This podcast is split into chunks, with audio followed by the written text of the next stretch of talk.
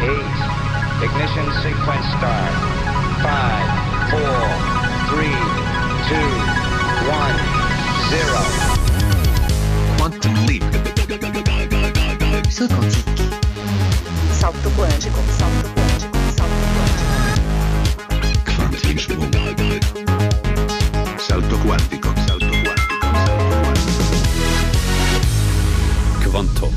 det du inte visste att du ville veta.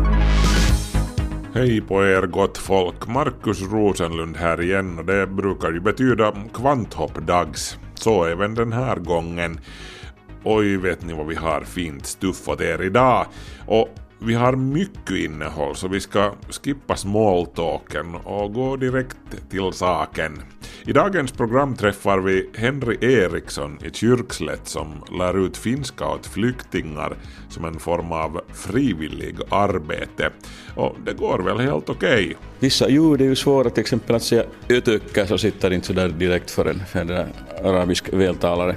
Och, och det här med y-ljudet som i, som i yxin och, och diftonger som ö så är svåra. Henry Eriksson hör du senare i programmet. Före det ska jag återvända till ett för mig kärt ämne, Chile och de stora teleskopen där ute i Atacamaöknen. Det var i februari då jag höll på med att klippa ett program från min resa till Chile när jag drabbades av ett katastrofalt tekniskt fel som förstörde en hel veckas arbete för mig och sedan hann jag aldrig återskapa det här programmet i fråga så det blev liggande i en lång tid.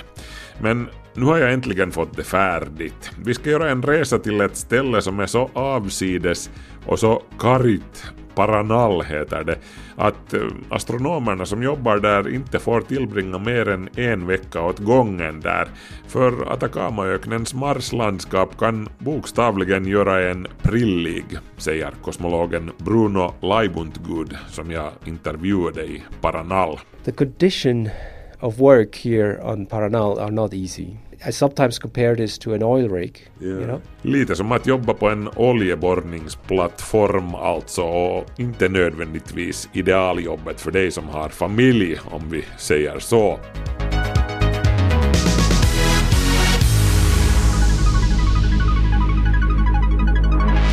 Sådant alltså idag, men vi inleder med veckans notiser som serveras av Ulrika Fagerström.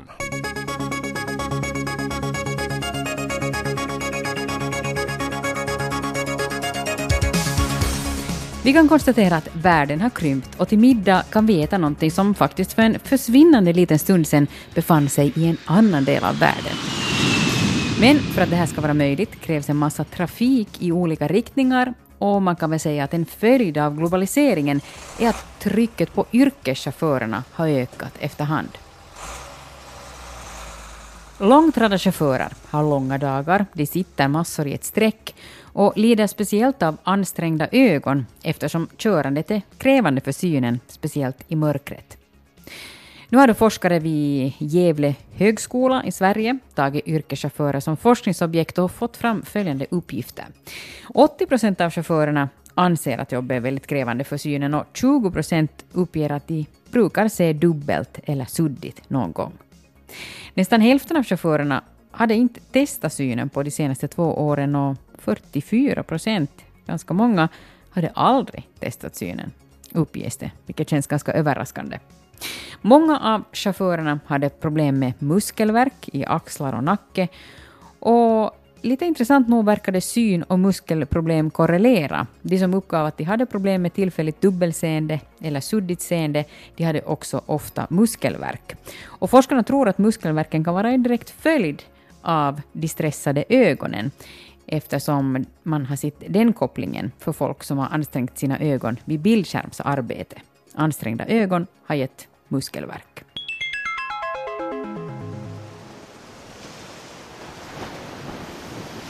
Östersjön mår faktiskt bättre nu än vi riktigt har hunnit inse. Det har en grupp svenska, danska och finländska forskare kommit fram till. Då många ställen längs med Östersjöns kuster för drygt 30 år sedan hade så förorenat vatten att där rådde badförbud så är situationen idag en helt annan. Även om Östersjön fortfarande är hårt belastad så finns det ljus i tunneln och den lampan lyser allt starkare. Det är det mångåriga internationella samarbetet för att minska utsläppen i Östersjön som har börjat ge resultat. Vår studie dokumenterar de allra första tecknen på återhämtning i Östersjön, konstaterar Jesper Andersen, en av de danska forskarna. Vissa områden är sämre än tidigare, men betydligt fler mår bättre än tidigare och totalt sett är läget nu bättre än förr. Forskarna, däribland forskare vid Helsingfors universitet, har tittat på mätresultat av olika slag från år 1901 till 2012. Och övergödningskurvan har sett ut så här. För drygt 100 år sedan var det inga problem, Östersjön var oberörd av övergödning, men på 50-talet tog den fart på allvar och kulmen nåddes i början av 80-talet. Men sen 80-talet så har näringsbelastningen minskat och det är mycket på grund av moderniserad avloppsrening och åtgärder inom jordbruket.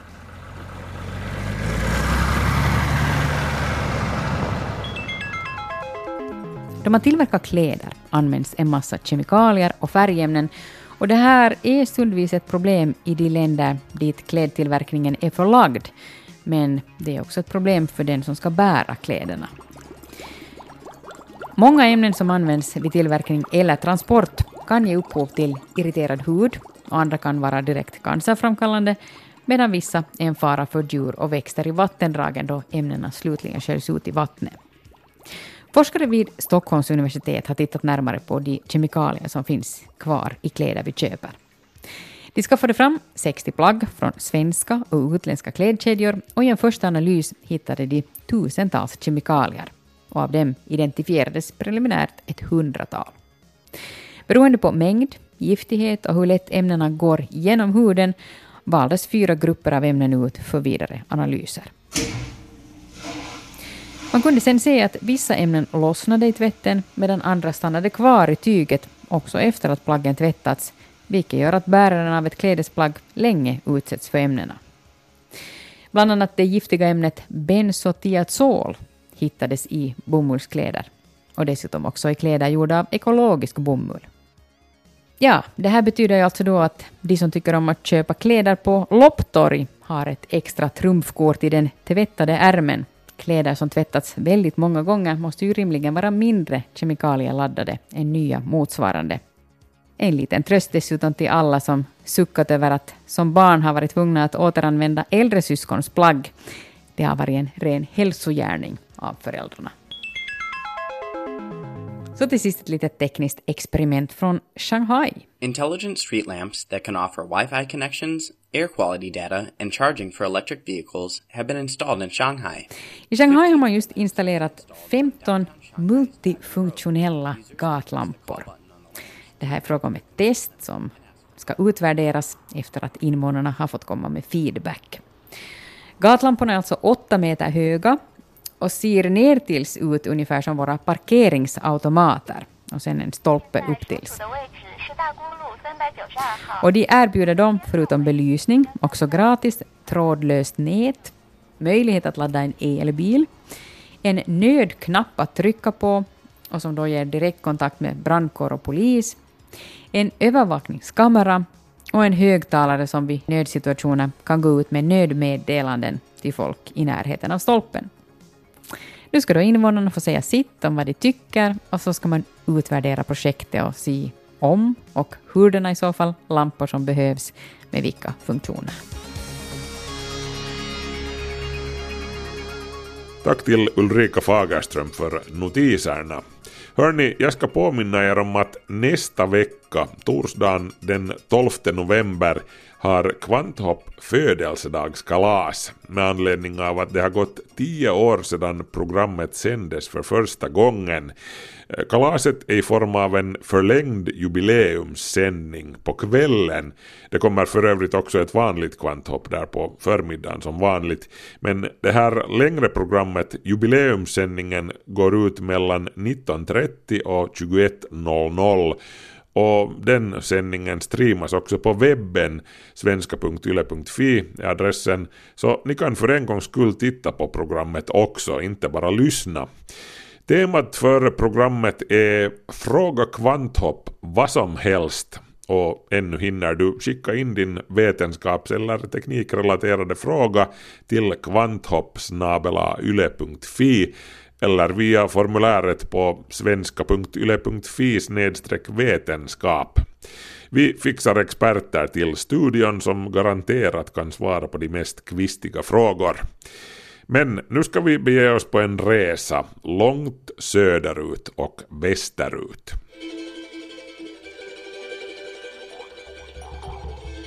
Antu, Kueyen, Melipal och Jepun.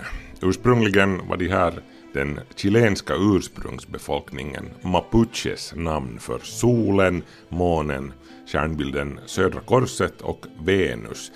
Men idag är de också de inofficiella namnen på fyra av världens största teleskop. De tillhör den astronomiska organisationen Europeiska sydobservatoriet, ESO, där även Finland är med och finns på den avlägsna bergstoppen Cerro Paranal mitt i Atacamaöknen i Chile. Så nära mitten av ingenstans som man kan komma. Det är dit jag är på väg just nu. Och jag hävdar att teleskopen förtjänar namn som för tankarna till gamla gudasagor för de är bokstavligen tidsmaskiner som man kan se nästan ända bort till universums barndom med.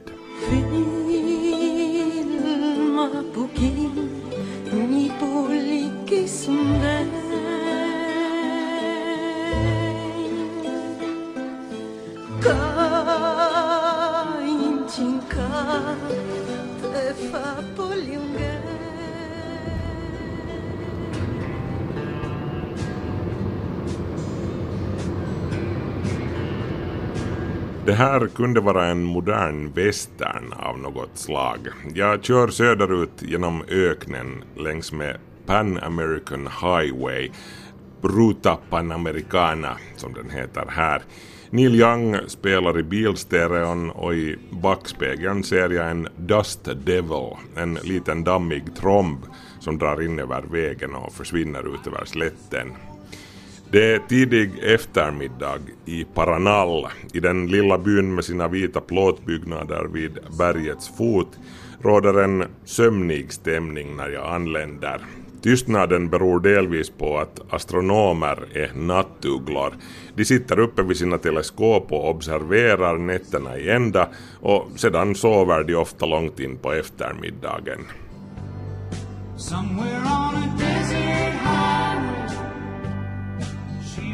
A Harley Davidson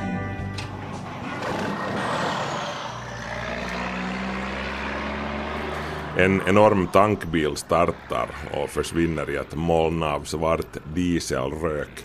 Det är den dagliga vattenleveransen. Varje dag levererar den 20 000 liter vatten från Antofagasta, den närmaste staden.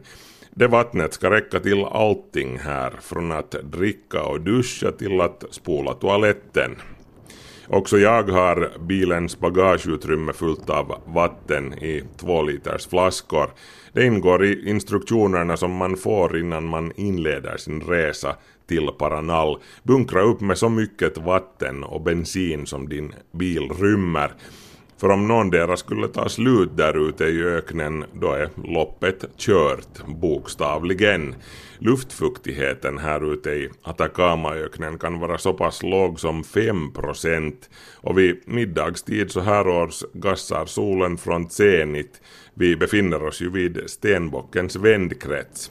UV-indexet här är uppemot 15. I Finland är det omkring 6 en riktigt solig dag i juni. Effekterna av den extremt torra luften märks genast. Läpparna torkar mycket fort och blir som papper och det blir väldigt fort smärtsamt att le om man inte ständigt har vattenflaskan och läppbalsamet nära till hands och solkrämen naturligtvis, faktor 50 plus. Men faktum är att just den supertorra och därmed också väldigt klara luften här är en av de främsta orsakerna till att Europeiska sydobservatoriet valde just Atacamaöknen och Chile som hemvist för sina teleskop. Det första teleskopet invigdes 1966 i La Silla som ligger längre söderut. 1998 hade VLT, det vill säga Antu, Cuyen, Melipal och Jepun intagit sina platser där uppe på bergstoppen Cerro Paranal bakom mig. Och nästa generations superteleskop är ELT, det står för European Extremely Large Telescope, är redan under påbyggnad på en bergstopp vid namn Cerro Armazones, inte långt härifrån. EELT kommer att ha en 40 meters spegel.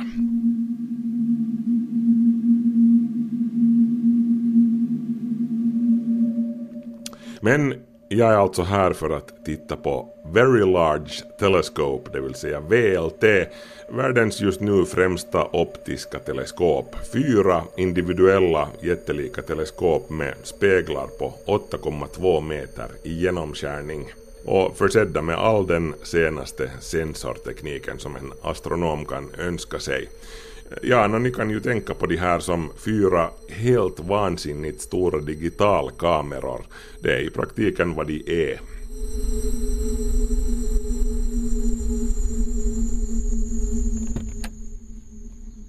Uppe på Cerro Paranal i kontrollrummet under plattformen med de fyra stora teleskopen träffar jag Bruno Leibuntgud. Han är hemma från Schweiz och fungerar som forskningschef här vid Paranal-observatoriet. Han är också en av de ursprungliga pådrivande krafterna bakom VLT-teleskopet. Hans huvudsakliga område är kosmologi och hans curriculum vitae är längre än jag och jag är alltså två meter och två centimeter lång. Leibuntgud har bland annat studerat supernovor och universums expansion och har belönats med flera av de högsta utmärkelserna i branschen. Till exempel så deltog han i teamet bakom 2011 års Nobelpris i fysik. Då mottogs priset av Saul Perlmutter, Adam Rees och Brian Schmidt för upptäckten av universums accelererande expansion. De observerade avlägsna supernovor för att dra den här slutsatsen. Och också Bruno Leibuntgud var alltså med på ett hörn i den upptäckten och en betydande del av observationerna som ledde till den här upptäckten gjordes just här i Paranal. Right, so it's a combination of many things. It's the combination of very big mirrors, very big telescopes themselves, so 8 meter telescopes. There's only a few of those on the planet. Uh, these are not the biggest ones, but there are amongst the biggest ones. Mm. But uh, we have four of them. Yes. Other people have two, sometimes they only have one. We have four. Which Orsaken till att VLT och Paranal är det bästa stället på jorden om man vill observera universum är flera, säger Leibuntgud. För det första de fyra stora 8 meters teleskopen. Det finns större individuella teleskop, på Hawaii till exempel. Men de fyra teleskopen här kan kopplas samman och tillsammans ger de en upplösning som är helt oslagbar just nu. And so that's good. There's the southern sky. So we see the galactic center, the mm. center of the Milky Way, the Magellanic Clouds, which you cannot see from the north. Yeah. Uh, there are some star formations. The most massive star formation region in the Magellanic Cloud is only visible from the southern hemisphere. So that was another uh, reason to be here. Bara det att vi befinner oss på södra halvklotet gör att vi kan se sådant som man inte kan observera från Europa, säger Leibuntgud. Till exempel Vintergatans satellitgalaxer, de Magellanska molnen, det lilla och det stora, de går bara att se härifrån. I de här dvärggalaxerna pågår en intensiv kärnbildning. Nya kärnor föds bokstavligen inför astronomernas ögon. Och själva Vintergatans centrum, navet i vår galax, syns också allra bäst just härifrån. There's lots of, of advantages, as you said. We're in one of the driest places. We have an extremely stable atmosphere. We have um, I don't know what the official ESO number is, but I say we have about 300 clear nights a year. Yeah. The observatory is working essentially all the time. You know, mm. so there are nights that get lost because it's cloudy, but it's it's it's fairly rare. Anläggningar som VLT står aldrig stilla. Det här är en 24 timmars 365 dagars operation, säger Laibundgud. Det händer att molnen gör det omöjligt att observera, men under ett typiskt år så är det inte många dagar som går förlorade på grund av det här. Som sagt, luften här är extremt torr, men atmosfären ovanför Atacamaöknen är också väldigt stabil och fri från störande turbulens, den där sorten som får stjärnan från Blinka lilla stjärna där att blinka. Här blinkar alltså stjärnorna inte och det beror på den kalla Humboldtströmmen i Stilla havet här intill som löper norrut längs med Sydamerikas kust. Den gör att det är lugnt där uppe i luftlagren. Men kanske den allra främsta orsaken till att det här är ett av de bästa ställena i världen om man vill se på stjärnorna är som sagt den utomordentligt mörka natthimlen. If you take if you look at the world map at night, which now you can do sometimes, uh, there are actually not that many dark spots around anymore, and this is one of them. Well, I mean, Antarctica maybe. Well, there's Antarctica, and, uh, one I like a lot is uh, Greenland. Yeah. Uh, Greenland is very dark. Um, Tittar man på jordens nattsida ovanifrån så ser man att den är fullständigt överströdd med ljuspunkter. Det finns artificiell belysning överallt, något som skapar problem om man är en astronom som vill ha en mörk natthimmel. Atacamaöknen är ett av de få återstående mörka ställena, säger Laibuntgud, vid sidan av kanske Antarktis och Grönland, men där det av praktiska skäl lite besvärligt att driva ett observatorium. Så den mörka natthimlen ovanför Atacamaöknen är någonting som Chile betraktar som en dyrbar naturresurs som bör bevaras, säger Laibuntgud. yeah, so so the Chilean government has declared this area as a, a protected site for for astronomy. Yeah, and so um, so we get the support from the Chilean government for this, and they have understood how how important that is. Chiles beslutsfattare förstår mycket väl att ta vara på fördelarna som landets unika mörka natthimmel ger. Samarbetet med myndigheterna har fungerat utmärkt, säger Laibundgud. Ja, no, man förstår ju mycket väl att Santiago inte vill bli av med lukrativa hyresgäster som ESO och de övriga organisationerna som skådar stjärnor här.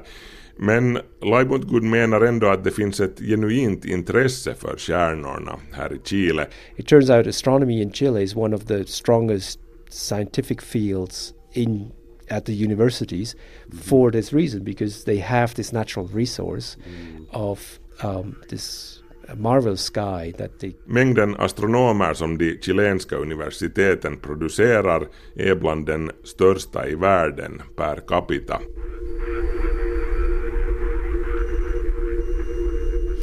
Men jag kan ju inte låta bli att undra hur är det att jobba här ute på riktigt? Utsikten över öknen här uppifrån är så vacker att man nästan vill gråta på riktigt. Liksom också solnedgångarna över Stilla havet. Men det faktum att vi befinner oss långt, långt borta från civilisationen här, det här är på riktigt den mest avlägsna och isolerade plats som jag någonsin har besökt. Allt det här får ju en att undra att vem vill jobba här på en mer bestående basis? the condition of work here on Paranal are not easy. Um, i- sometimes compare this to an oil rig. You Yeah. know, it's you, you. We need the people here to run this. It's a twenty-four-seven operation, and uh, we haven't come up with a better solution yet. Uh, När man skriver på kontraktet med ESO så gör man det fullt medveten om att det här inte är ett typiskt 9-5 kontorsjobb, säger Laibundgud och jämför det med en oljeborrningsplattform.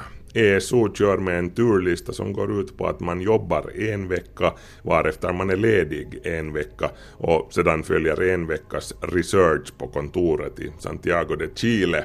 Sen kommer man tillbaka hit. Att stanna här längre än en vecka i taget rekommenderas inte eftersom längre perioder här ute i öknen inte är bra för den mentala balansen på riktigt. Vi människor utvecklades i en miljö som var rik på färger. Våra ögon är följaktligen bland de bästa i hela djurvärlden på att se färger och vi behöver se grönt för annars blir vi olyckliga. Det fullständigt monokroma enfärgade landskapet med sin roströda sand exakt som på bilderna från Mars förresten. Det må vara fascinerande och exotiskt till en början men de tre dagar som jag tillbringade i Paranal fick mig att inse att det här skulle kunna bli riktigt jobbigt i längden.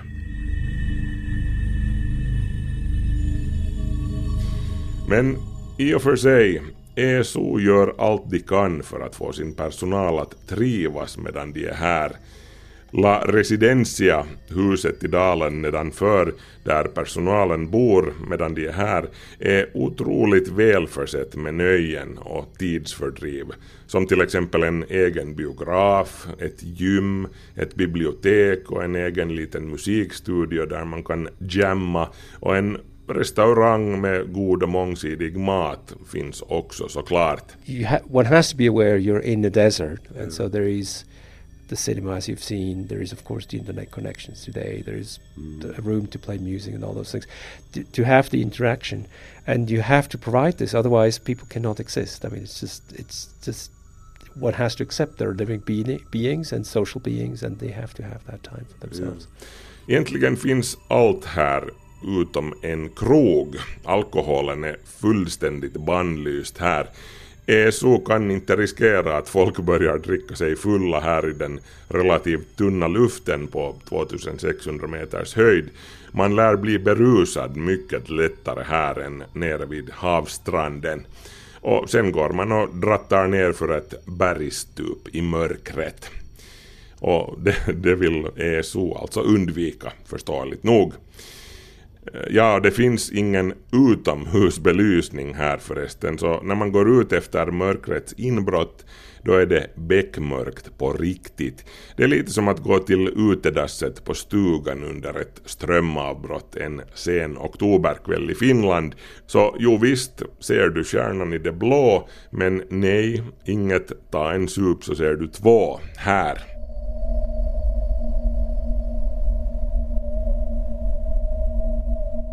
Men tillbaka till själva vetenskapen nu. Eh, Vilken är då Bruno Leibuntguds egen favorit av alla de saker och ting som man forskar i här vid Paranals observatorium? Well, there's many of those. Uh, imaging of exoplanets, to, to the fact that you can see planets around other stars directly, and so we've been working on this with the instrument that we that we're commissioning right now, that we're putting into operations right now, where you can see directly see those other planets, and once you can see them directly, you can start measuring their light. So then you can start. Under årens lopp har de stora teleskopen i Paranal bidragit till att belysa många av universums hemligheter, som exoplaneter, alltså planeter i andra solsystem. Faktum är att VLT var det första teleskop någonsin som tog en bild av en planet i ett annat solsystem. Också det supermassiva svarta hålet i Vintergatans centrum, monstret i hjärtan av vår galax, hör till de mer flitigt studerade objekten här. the one I like most, if you want, is the measurement of the black hole, the supermassive black hole in the in the center of our own Milky Way, and so that's been in, measured in great detail. Det svarta hålet i Vintergatans centrum är min personliga favorit, säger Leibuntgud. Med hjälp av synligt ljus kan vi inte observera det direkt härifrån jorden eftersom det ligger bakom kosmiska stoftmoln som skymmer sikten. Men VLT kan också observera på infraröda våglängder och på så vis kan man se igenom de här stoftmolnen och få syn på stjärnorna och gasmolnen som dansar sin dödsdans kring det supermassiva svarta hålet där inne.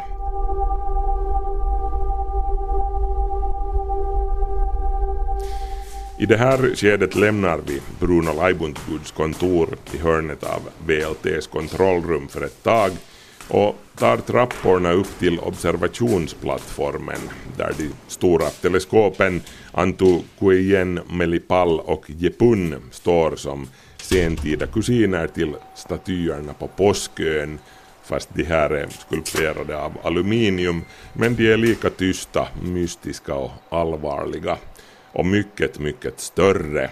De är stora som femvåningshus de här med den skillnaden att de roterar fritt på sin sockel så att man kan vrida dem mot vilken stjärna eller galax man än vill observera.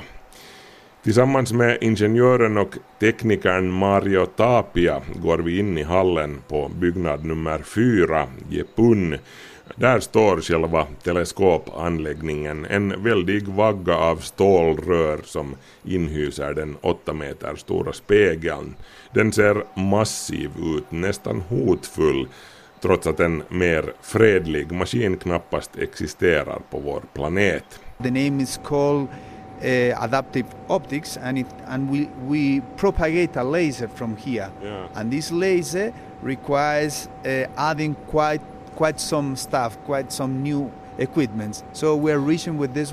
Det här teleskopet 500. nummer fyra alltså skiljer sig en aning från de övriga, säger Mario Tapia, i och med att det är utrustat med en kraftig laser som är en del av systemet som kallas adaptiv optik.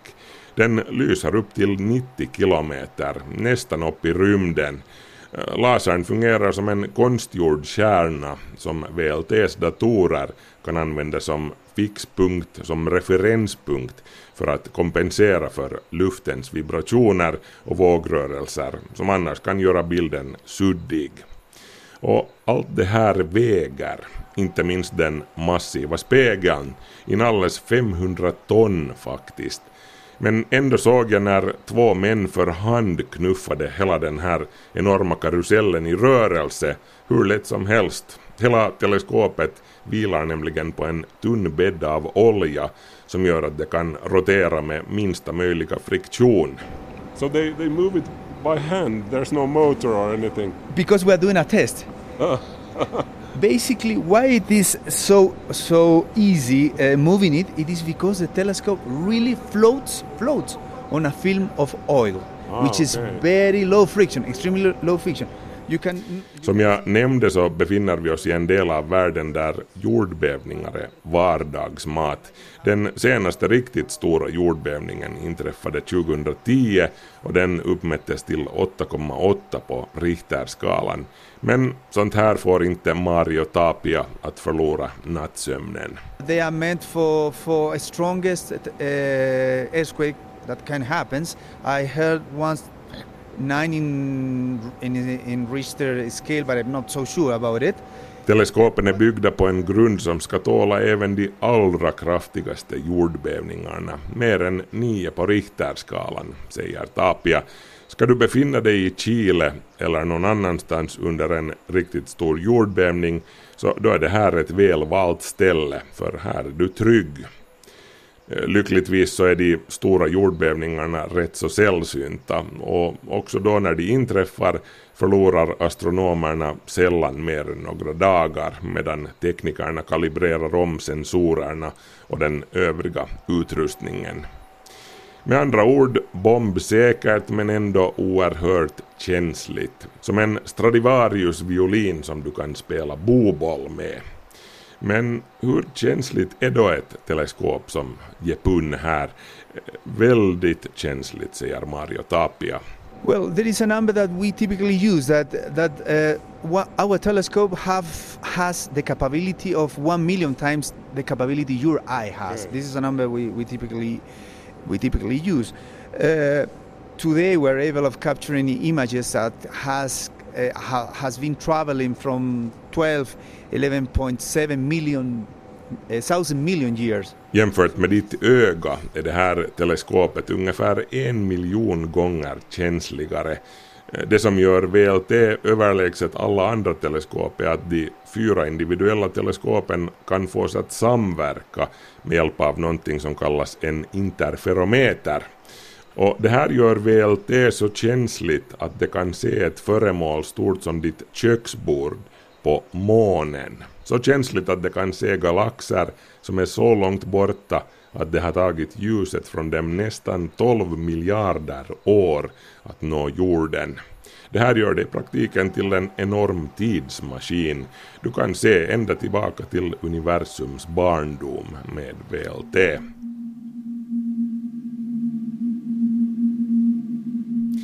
Men det här är ändå bara början, säger Bruno Leibuntgud. Nästa generations superteleskop, Extremely Large Telescope, EELT, som man alltså har börjat bygga på berget Cerro Armazones här intill, det blir så känsligt att vi kommer att kunna se så långt bakåt i tiden som det överhuvudtaget är möjligt att se, bara några hundra miljoner år efter Big Bang, då de första stjärnorna tändes och vetedimman som genomträngde universum lättade.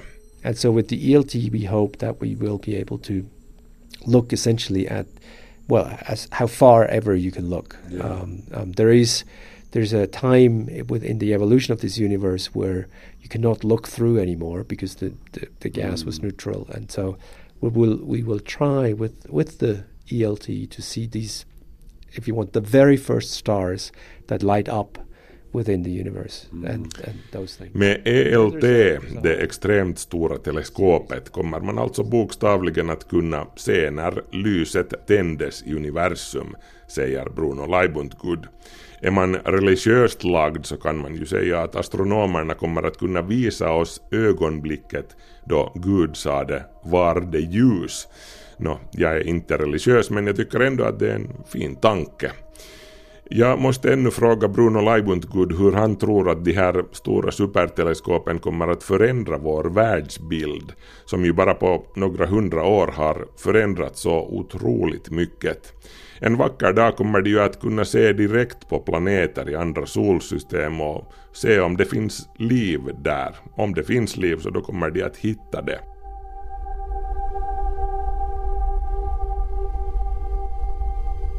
the world view, if you want, has changed dramatically over the last hundred years, and it's changed dramatically during our lifetimes. And uh, Hubble, only in in um, 1926, found that the Andromeda Nebula is indeed 700 million light years. Sorry, yes, away from us.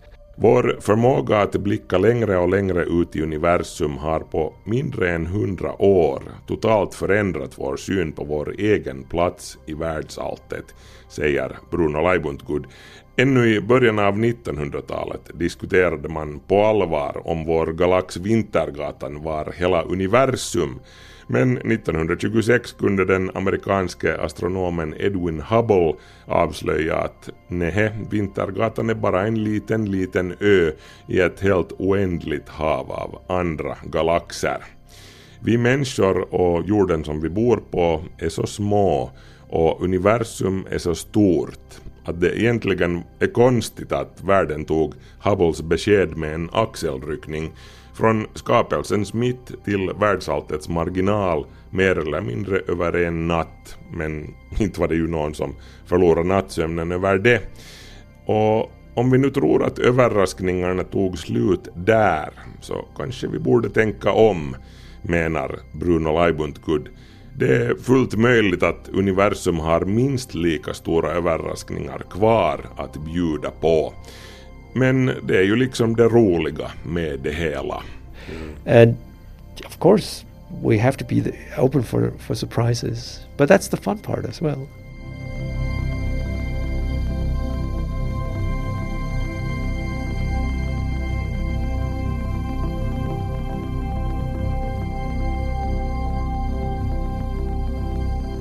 Kvanthopp, det du inte visste att du ville veta. Nu ska vi få träffa Henry Eriksson i Kyrkslätt som har engagerat sig i mottagandet av flyktingar.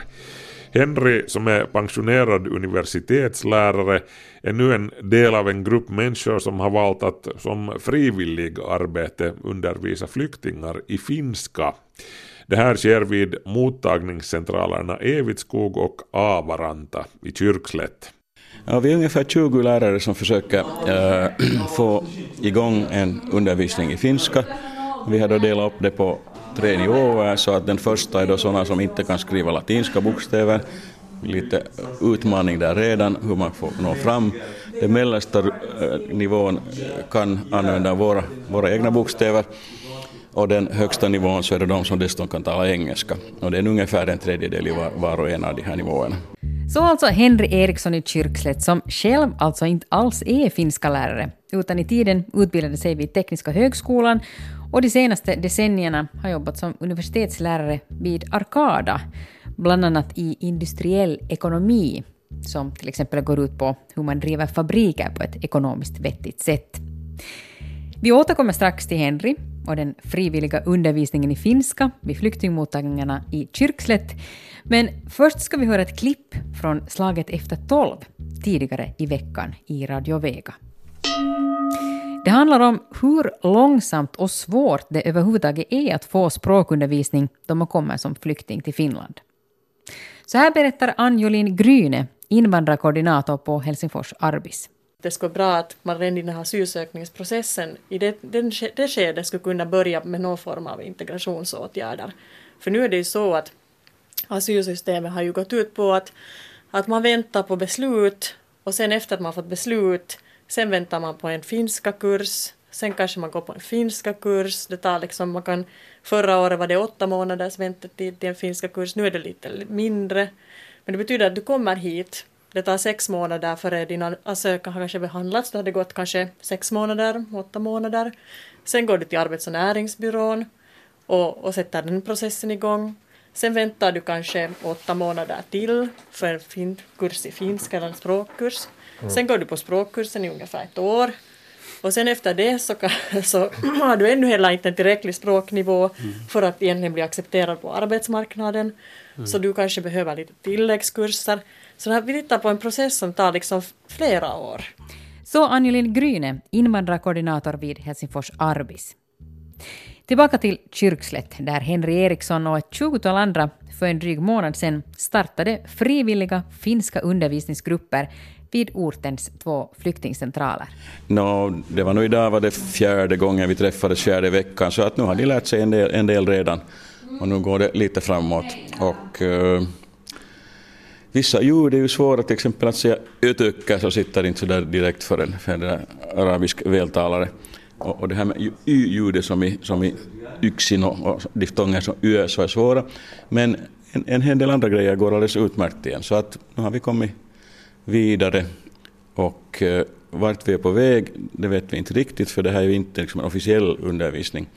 Men vi har diskuterat det här att borde vi ha ett gemensamt prov kanske om ett år eller så, att vi skulle sikta mot det och se till att de skulle lära sig allt det på vägen. Att det är sånt som vi diskuterar nu inom det här lärarkollegiet så att säga. Undervisningen sker alltså en gång per vecka på mottagningen i Evitskog respektive Avaranta. Ett tjugotal personer fungerar som lärare, av vilka bara en del då är direkta språklärare. Några är och några är inte och, och det här några är finska lärare och andra är lärare då i andra språk och så vidare. Men att i det här skedet när det är frågan om liksom de sex första månadernas frivillig finska så tror vi nog att, att var och en som lever i det här landet, om man inte riktigt är från Petalax, så, så, så ska man nog klara av att lära ut liksom grundfinska. Nivåerna är som sagt tre. De som inte kan våra latinska bokstäver, de som kan det samt de som både kan våra bokstäver och engelska, förklarar Henry Eriksson. Han har själv en grupp med de sistnämnda. Men i praktiken, hur gör man då? No, det, det beror ju på nivån. Att, att, säkert har de flesta då börjat med, med dagliga hälsningar och, och det här räkneord och månader och, och veckodagar och så vidare. Och vi har kört med det bara ungefär en, en månad. Men att nu var det ju den i, i dagens program så nu var det nu lite svårare grejer om, om, om det här olika färger och, och det här maträtter och sånt och det börjar dyka upp lite klurig grammatik också där i, så små, småningom. Mm. Att uh, man måste ta det stämma av också med, med, med takten med, med hur den här gruppen undervisningsgruppen fungerar. Att går man för snabbt så ramlar de helt av pinnen och går man för långsamt så kanske några av dem då, då tycker det här är tråkigt.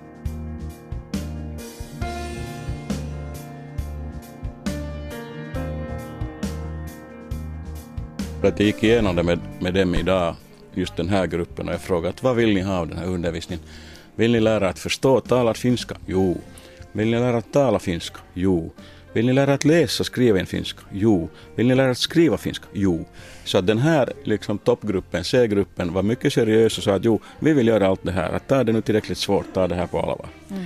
Men om vi tänker där på Javaranta finns det av, av 600 personer så är det kanske 540 som inte kan någon engelska någonting så är det här nog väldigt, det tar nog inte sin tid innan man kommer upp till den där nivån. Mm. Att det är nog säkert den första ambitionen att vi ska nu lära oss att säga några fraser när vi går i butiken eller vi ska lära oss så mycket att vi kan åka tåg till stan. Mm. Att det beror på. För asylsökande är framtiden synnerligen oviss. De har ingen aning om om de får stanna här. Och det kan dra ner på motivationen att lära sig ett språk som finska vars användningsmöjlighet begränsas just i vårt lilla språkområde. Om man tänker att av 300 personer kanske hälften blir tillbakavisade, får inte bli, av, bli här i Finland. Så varför ska man då plugga något idiotiskt språk som finska som inte används någon annanstans? Att motivationen kan vara ganska låg av den orsaken. Sen har vi de som då tar det på all, vill plugga finska och säger att jag tänker bli finsk medborgare. Och jag senast idag informerade om att det kommer sen ett stort, stort eller det lilla språkprovet som de måste klara på antingen finska eller svenska. Och, och då ska här nu vänligen försöka läsa lite ordentligt redan nu. För den här grejen kan komma om ett eller två eller tre år. Ja, det beror på vilken ambitionsnivå var och en har där. Mm. Vart de själva är på väg. Och sen om man tänker att det allra viktigaste är ju om de blir kvar här, att komma in i samhället. Och då är det ju nog det där pratade Mm. språket som är liksom nummer ett. Jo, det stämmer nog. Och, och för vissa sorters jobb och enkla och manuella jobb och så vidare så räcker det kanske med det här pratande. Men eh, det är viktigt att förstå att den här gruppen, åtminstone som vi jobbar med, så är väldigt förvånansvärt väl utbildad. Vi har tandläkare och vi har det här näs, näs och öronspecialister och vi har statistiker och vi har, vi har det datorprogrammerare och så vidare. För dem räcker det inte att bara kunna prata. De måste kunna läsa, läsa det här, den sena, uh, sjukjournaler, de måste kunna där, läsa manualer för programmering på finska och så vidare. Att få tag i fysiska böcker där man lär sig finska via engelskan har visat sig vara utmanande. Men däremot har olika hjälpmedel på nätet varit praktiska. Det lämpar sig speciellt för självstudier. Att av de här lexikonen till exempel så finns det ett som heter då Suomi English sanakirja. Sen finns det mycket finurligt program som heter WordDive som är då ett finskt eh, program utvecklat i Tammerfors där det då finns eh, olika språk bland annat då engelska, spanska, tyska, italienska, franska, ryska, svenska, finska och estniska.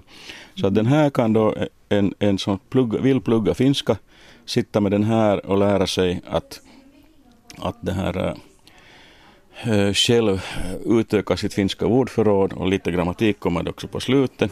Det här programmet på nätet är normalt avgiftsbelagt, men i det här fallet har företaget donerat användarrättigheter till invandrare, berättar Eriksson. Att om man då är registrerad invandrare så kan man då få använda deras finska kurser gratis upp till en viss nivå. Så vi är väldigt tacksamma för företaget WordDive att de har gjort någonting sånt. Överlag verkar det som att man på olika håll kan se en dominoeffekt av goodwill. Vi kan nu säga, ge ett pluspoäng åt, åt det ortens bibliotek, att både Esbo bibliotek och Kyrkslätt bibliotek förstod genast att skicka sina bussar hit minst en gång i, i veckan och se till att de kör ända fram till institutet och så vidare.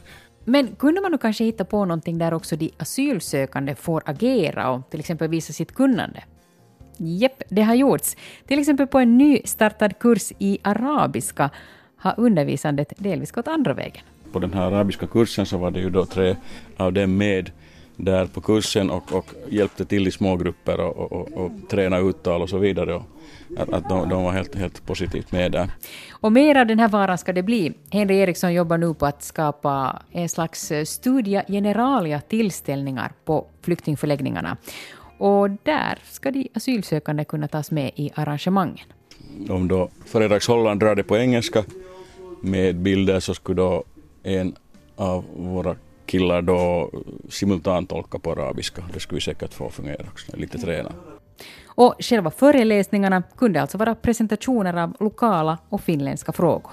Vi hade kollat lite vad, vad våra gäster också vill ha och uh, typ Finlands historia och eh, geografi förstås, Kyrkslätts historia, geografi är sådana uppenbara grejer. Men sen kommer då mera sådana matnyttiga saker som finsk eh, industri och, och, eller innovationer i Finland och sånt kommer säkert också med och sen sådana populärgrejer som uh, bastu och, och, simning i, i det här bland isflak och liknande kommer säkert också att dyka upp där nu när de börjar hugga hål i isen här på, på, på det här Viträsk.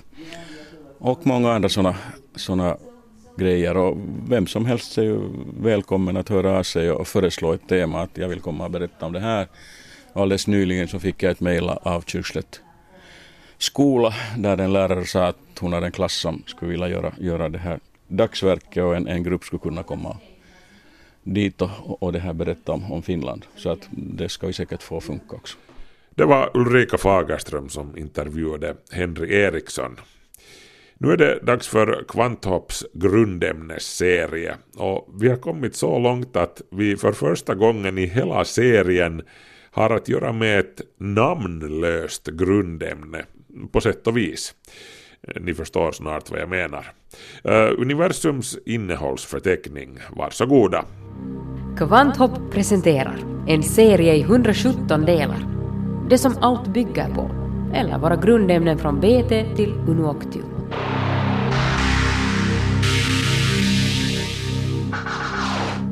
Atomnummer 113, ununtrium, kemiskt tecken UUT, och de som har följt med noggrant de senaste veckorna inser vad namnet betyder. Det betyder att vi har att göra med ett grundämne som ännu inte har fått ett riktigt namn.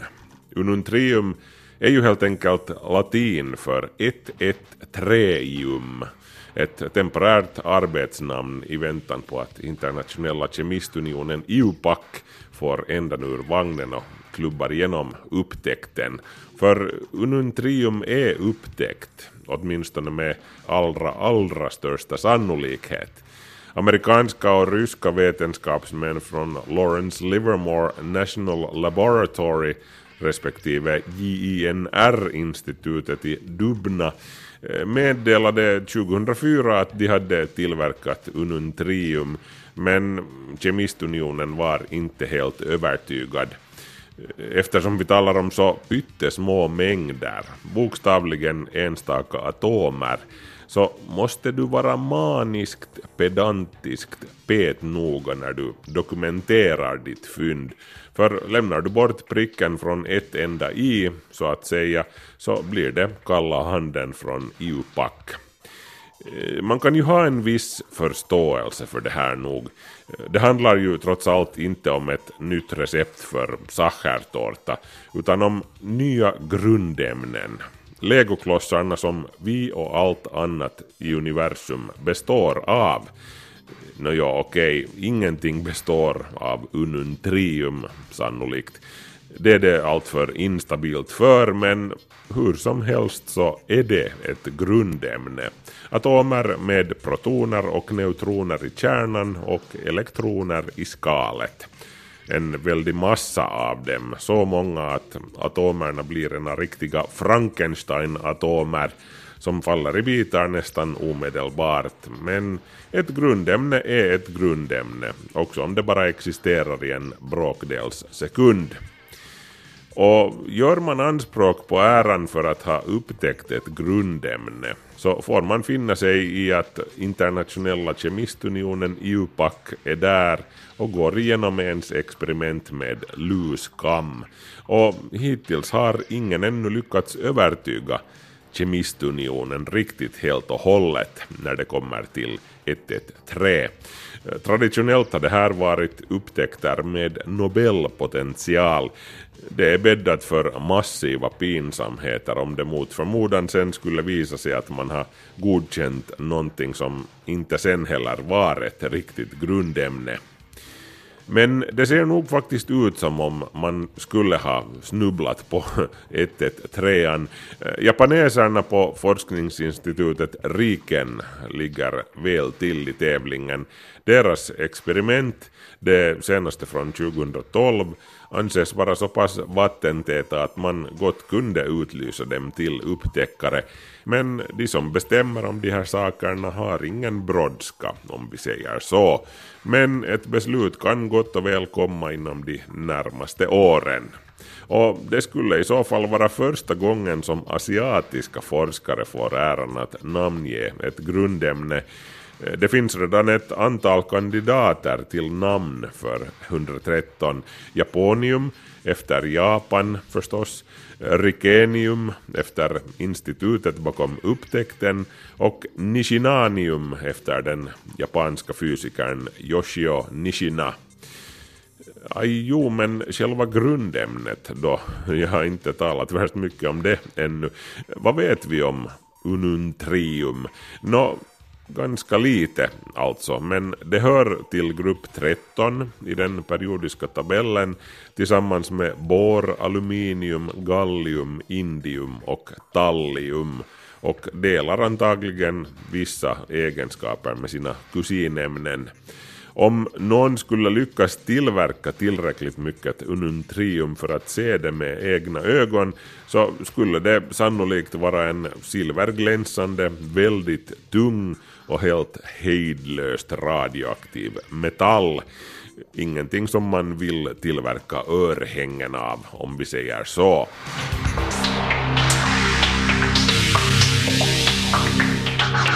Du har hört del 113 i Kvanthopps serie om våra grundämnen. Nästa vecka flerovium. Kvanthopp snabela yle.fi. Så lyder adressen dit du kan skicka din fråga till Kvanthopps 10-årsjubileumssändning. Fråga vad som helst om vetenskap och teknik. Kvanthopp svarar nästa torsdag klockan 19.30 i Radio Vega och livestream på webben till 21.00. För en gångs skull kan du alltså både se och höra programmet, så missa inte det. Markus Rosenlund heter jag, på återhörande om en vecka. Ha det bra, hej då!